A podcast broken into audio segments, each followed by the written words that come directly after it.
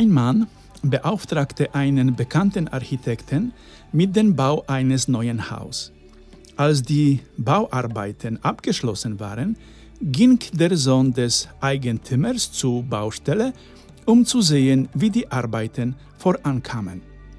Als der junge Mann das Gebäude betrat, stürzte das Gebäude aus irgendeinem Grund ein und tötete den jungen Mann auf der Stelle. Später, am selben Tag, ging der Eigentümer des Gebäudes mit bewaffneten Männern zum Haus des Architekten und tötete ihn zusammen mit seiner gesamten Familie und den Sklaven, die er besaß. Auf diese Weise wurde das heilige Gesetz der Rache in die Tat umgesetzt. Das Gesetz der Vergeltung existierte noch zur Zeit Abrahams, aber erst der babylonische Fürst Hammurabi brachte um ca. 1700 Jahre von den Christus mit dem berühmten, nach ihnen benannten Moralkodex Ordnung in sein, in, in sein Reich. In Hammurabis Gesetzbuch wurde das Gesetz von Talion eingeführt, das heißt Auge um Auge, Zahn um Zahn.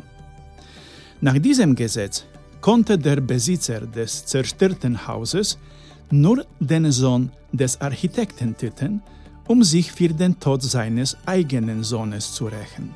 Wie verhält sich das Gesetz von Talion Auge um Auge, Zahn um Zahn zur evangelischen Moral?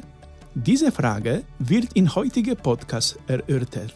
Ich lade dich zum Zuzuhören und Nachdenken ein. Ich bin Bruder Christoph, ich bin ein Kapuziner und wohne ich in Innsbruck und seit zwei Jahren nehme ich Podcast ein mit dem Namen Ja mhm.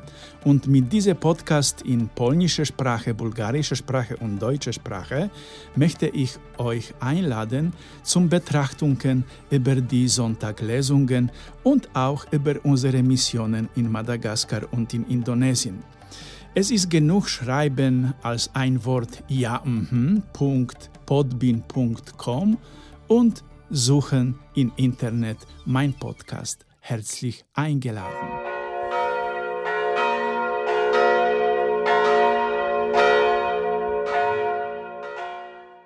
Im heutigen Evangelium sehen wir, wie Petrus erneut versucht, Jesus eine Information zu entlocken, die sein Verstand irgendwie logisch erfassen kann. Jesus spricht in seinen Lehren immer wieder von der Liebe, die keine Logik kennt. Wie kann es sein, dass ich verfolgt, geschlagen, betrogen werde und dafür den Täter im Geiste der Liebe verzeichnen muss? Schließlich hat alles seine Grenze, auch die Liebe. In diesem Streben nach einer logischen Ordnung des Lebens geht es uns wie Petrus.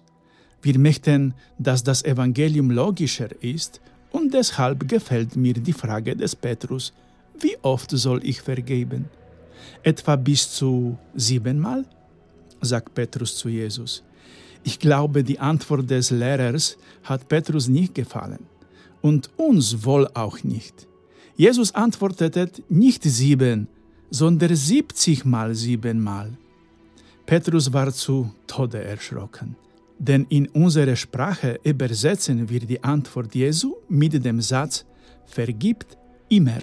Die Zahl sieben hat in der Bibel eine sehr wichtige Bedeutung. Sie ist eine heilige Zahl, denn am siebten Tag ruhte Gott nach der Erschaffung der Welt. Wie ist eine vollkommene Zahl und steht für die Ewigkeit.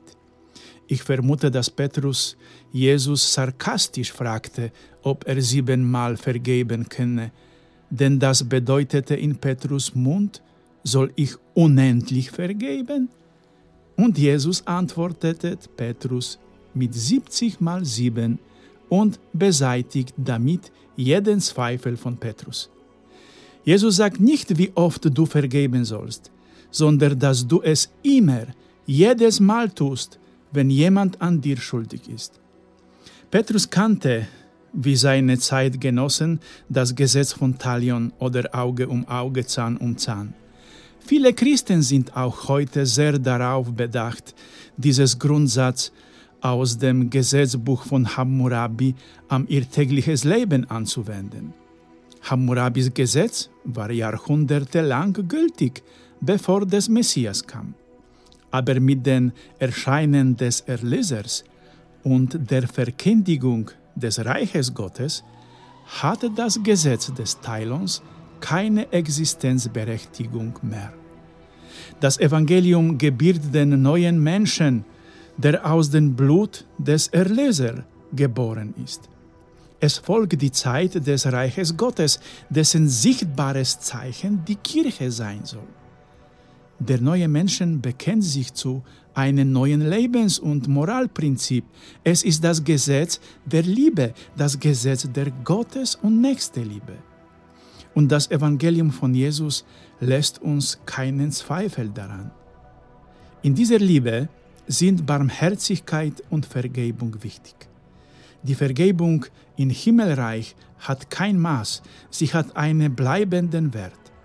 Daher das Gleichnis Jesu von dem Knecht, dem eine große Schuld vergeben wurde, der aber nicht in der Lage war, einen Kollegen zu vergeben, dessen Schuld lächerlich gering war.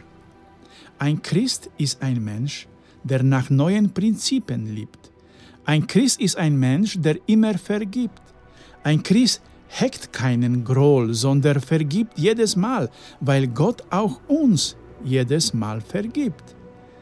Ein evangelikaler Mensch ist jemand, der in allem neu ist, in der Art zu denken, das heißt, mit offenen Herzen auf den Nächsten zuzugehen. Der neue Mensch benutzt auch ein neues Vokabular. Ein Christ ist ein Mensch, dessen Wortschatz sich durch das Fällen von Vulgaritäten auszeichnet und dessen Sprache mit Worten der Güte und des Segens gefüllt ist. Der neue Mensch ist ein Mensch, der keinen Groll hegt und bereit ist zu vergeben, weil er sich der großen Vergebung bewusst ist, die er täglich von Gott erhält. Für den evangelischen Mensch gilt nicht das Gesetz von Talion oder Auge zum Auge, Zahn um Zahn, sondern das Gesetz der Liebe und der Vergebung. Das Buch der Weisheit des Sirach oder die erste Lesung macht deutlich, dass der evangelische Mensch keinen Zorn und keinen Bosheit kennt. Diese beiden Emotionen sind nur für, die, für den Sünder charakteristisch und nicht für den Menschen Gottes. Ein Mensch, der auf die Vergebung und die Barmherzigkeit Gottes hofft, muss die gleichen Gefühle gegenüber seinen Nächsten haben, sonst wird er von Gott nicht erhalten, was er erwartet. Lass uns also, liebe Brüder und Schwestern, das Gesetz von Talion vergessen. Lass dieses Gesetz Auge um Auge, Zahn um Zahn ein für allemal in die Archive der Erinnerung, aber nicht in den Alltag entschwinden. Liebe Brüder und Schwestern, Jesus lässt uns kein Zweifel. Ein Christ ist ein Mensch, der in allem neu ist, in der Moral, in der Sprache, im Verhalten und in der Lebensführung. Diese evangelische Neuheit ist ein entfernt von menschlichen Logik und Gerechtigkeit.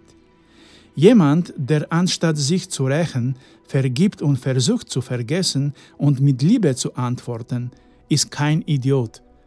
So ist das Reich Gottes, so ist das Evangelium, so ist Christus. Entweder leben wir also im Geist der Neuheit oder wir belügen uns selbst. Wahrscheinlich macht dir das, was ich sage, Angst. Vielleicht klingt es wie eine Harry Potter-Geschichte, aber dabei ist es wahr. So ist ein Christ. Nur Mut, Bruder, nur Mut. Amen.